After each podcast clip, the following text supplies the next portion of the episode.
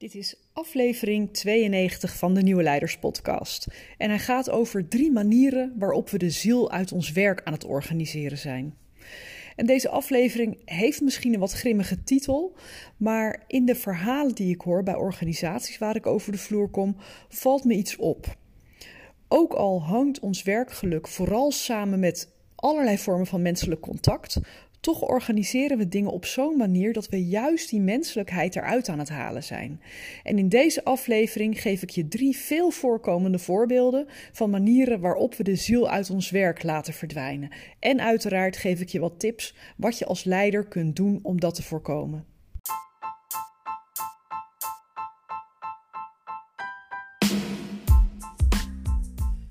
Tijden vragen om nieuw leiderschap. Mijn naam is Petra Kuipers en vanaf deze plek neem ik je mee op onderzoek naar hoe we nieuwe vormen van leiderschap kunnen ontwikkelen in organisaties, in teams en, niet in de laatste plaats, bij onszelf.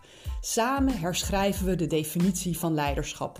De Nieuwe Leiders Podcast is een podcast vol inspiratie en informatie voor formele en informele leiders. Let's go!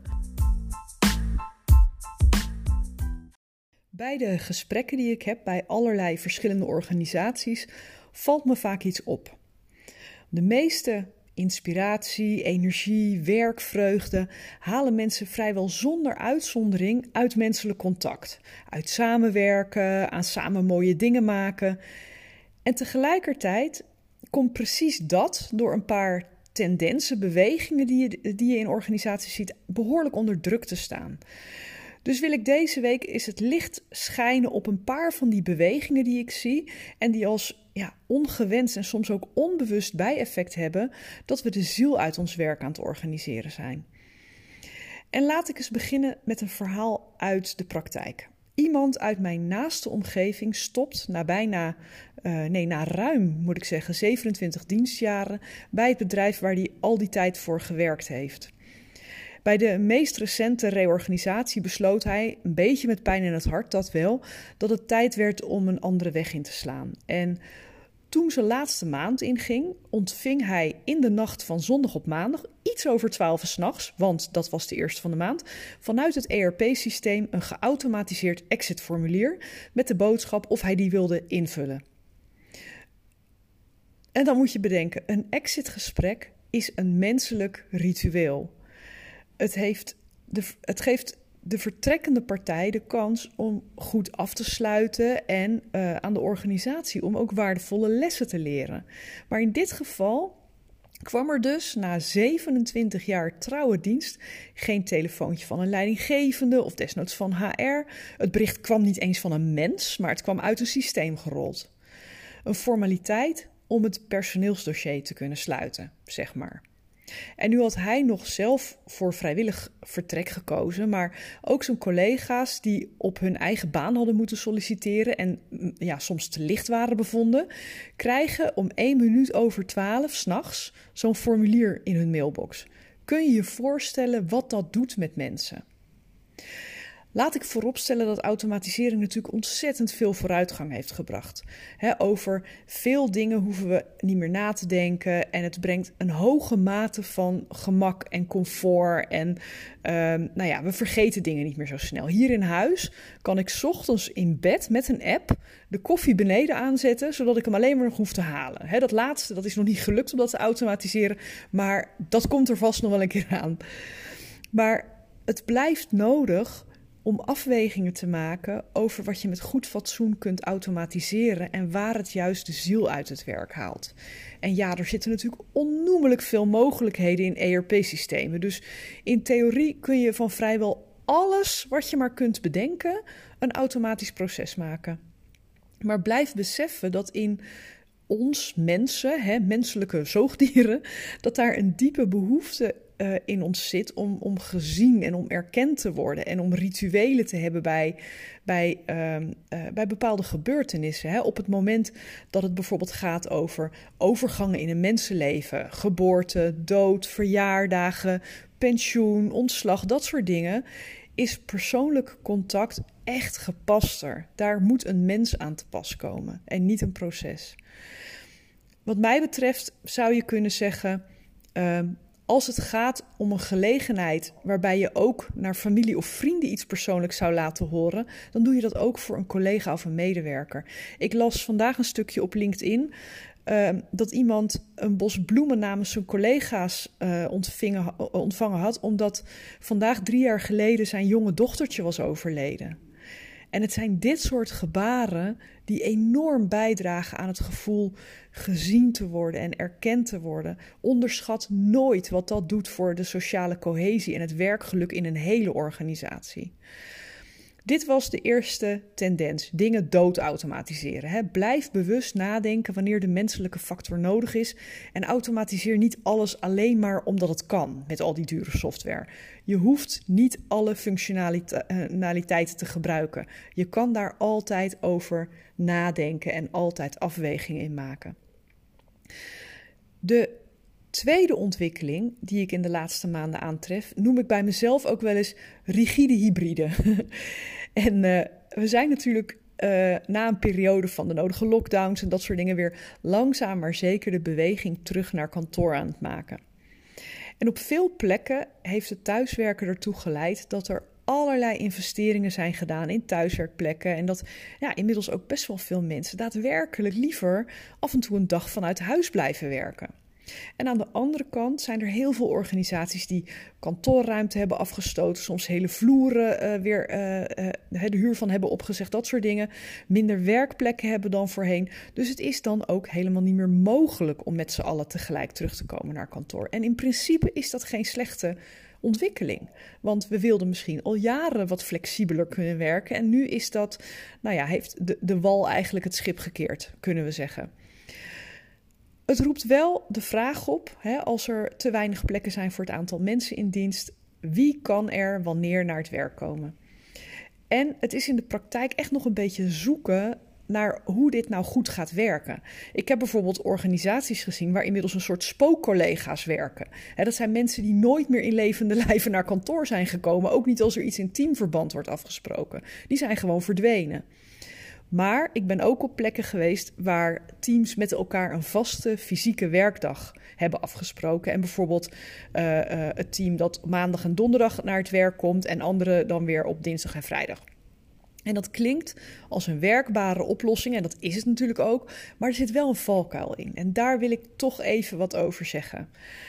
Want weliswaar zien deze teams hun collega's weer in het echt en gaat het contact weer wat dieper dan alleen in en uit Teams of Zoom overleggen vliegen. Maar de teams komen op die manier heel weinig in contact met andere teams, met andere disciplines. En je ziet daardoor soms, heel overdreven gezegd, bijna een soort sectevorming ontstaan. Groepen die met elkaar een soort afgeschermde biotoop, een soort bolwerk vormen. Het zijn echokamers geworden die met elkaar uh, een eigen gelijk hebben ontwikkeld. Waardoor je hully en zully krijgt hè, met teams uh, die op andere dagen fysiek aanwezig zijn. Daar is geen band meer mee. Dat worden die anderen. Organisaties evolueren naar volgende volwassenheidsfases als meningen de gelegenheid krijgen om zich aan elkaar te schuren.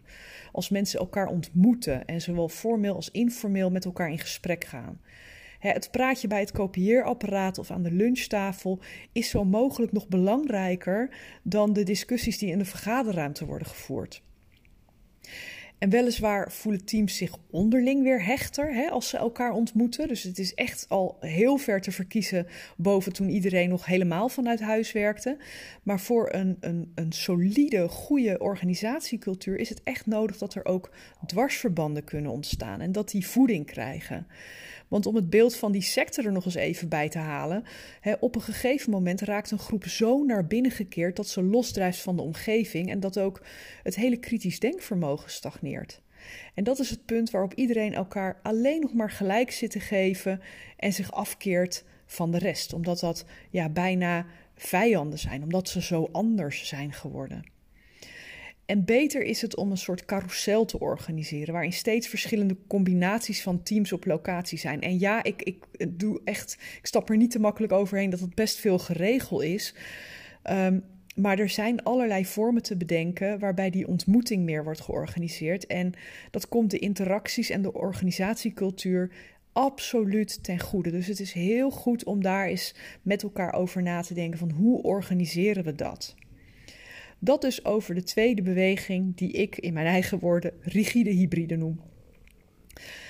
De derde en laatste die ik vandaag wil bespreken is doorgeschoten bureaucratie. Stel je voor, uh, je hebt een hele kleine hiccup in je werk-PC. En waarschijnlijk is het iets waar iemand met verstand van zaken in vijf seconden van kan vertellen wat je moet doen om het te verhelpen. Dus denk je, ik bel mijn goede collega van de IT-afdeling, een dame waar ik elke dag mee aan de lunchtafel zit, om even bij haar te checken wat je nu precies moet doen. En dan hoor je terug. Maak in het systeem een ticket aan en dan ontvang je een geautomatiseerd bericht zodra jouw nummer aan de beurt is. Komt zomaar voor, toch? Of een ander voorbeeld. Je wilt een opleiding gaan doen en die wil je uit je persoonlijk leerbudget gaan betalen. Maar dan moet je eerst via de interne academie een formulier downloaden. En daar moet uh, je baas en de baas van je baas en de controller van de baas van je baas ook nog een handtekening op zetten.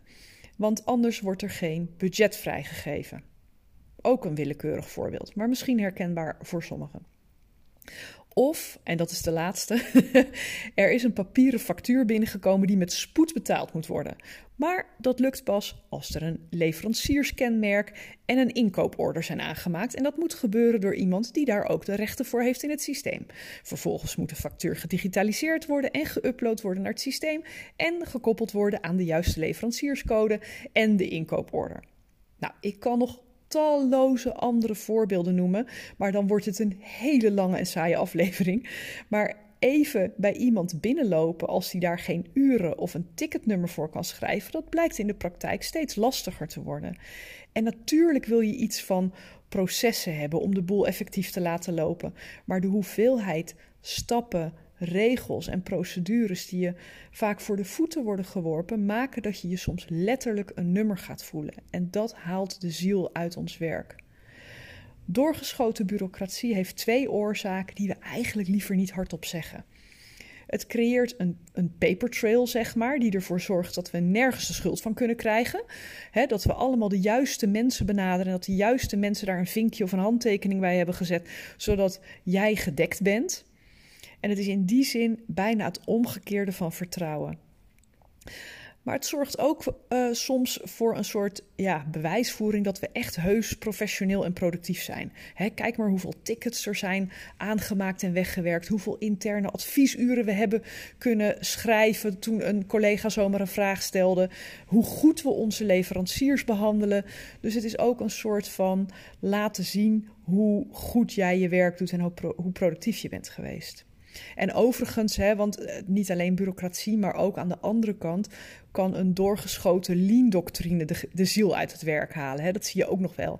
Als lean op een hele rigide manier wordt geïmplementeerd in organisaties, dan uh, zie je nog wel eens een beetje het, het, ja, het idee van alles wat we doen en wat niet direct waarde toevoegt aan de klant, maar waarmee je wel een collega helpt, dat is verspilling. En ook dat is een andere kant van dezelfde medaille. Nou goed, dit is een beetje zwart-wit gebracht misschien allemaal, maar ik wil je vooral bewust maken van wat de inspiratie, uh, de ziel in organisaties brengt. Wat maakt nou dat we ons mens blijven voelen en niet een nummer of een piepklein radertje in een grote logge machine? En als leiders hebben we ons steeds af te vragen: waar kan ik beïnvloeden dat menselijkheid altijd in elke situatie belangrijker is dan systemen. Of het nu gaat om collega's of om klanten, de mensen boven de systemen. Waar kan ik invloed op uitoefenen? En waar het buiten mijn invloedssfeer ligt, hoe kan ik een flinke scheut menselijkheid toevoegen om dat te compenseren? Nou, daar wilde ik het graag voor deze week met je over hebben. En uh, het is je waarschijnlijk niet ontgaan dat mijn boek Navigeren in de Mist inmiddels in alle online en offline winkels te koop is. En daarin geef ik nog veel meer praktische handvatten, tips, inzichten om bezieling en inspiratie terug te brengen in organisaties, ook als de boel heel veranderlijk, grillig en complex is. Inmiddels staat mijn boek, mag ik met trots zeggen, op een mooie plek in de managementboek top 20. Maar ik wil natuurlijk heel graag in die top 10 belanden. om er zoveel mogelijk mensen mee te kunnen bereiken en om op die manier een krachtige beweging van nieuw leiderschap op gang te brengen. En je kunt mij daarbij helpen. Als je het boek nog niet hebt gekocht en je wilt hem wel graag hebben, bestel hem dan via Managementboek, want dat helpt mij om daar hoger in de ranking te komen en dat helpt me weer in mijn zichtbaarheid op allerlei andere plekken. En misschien wil je hem zelf niet, maar denk je van goh, ik heb iemand in mijn omgeving waar dit heel interessant voor is. Nou ja, dan kan je misschien als relatiegeschenk of, of wat dan ook aan iemand anders geven. Heb je het boek nu al in huis en je bent begonnen met hem te lezen of, of je bent van plan het binnenkort te doen, dan zou ik het enorm waarderen als je op Managementboek een korte recensie en natuurlijk het liefst vijf sterren wilt achterlaten. Dat helpt me ook in de vindbaarheid, want de algoritmes pakken dat op en zo helpt het mij om uh, bij meer mensen onder ogen te komen. Dankjewel dat je deze week weer geluisterd hebt en ik tref je heel graag weer bij de volgende aflevering. Dankjewel voor het luisteren naar de Nieuwe Leiders Podcast. Was deze aflevering waardevol voor je? Door hem te delen of een recensie achter te laten, help je nog veel meer mensen om de Nieuwe Leiders Podcast te vinden. En vergeet niet de podcast te volgen zodat je niets meer mist. Ik tref je graag bij de volgende aflevering.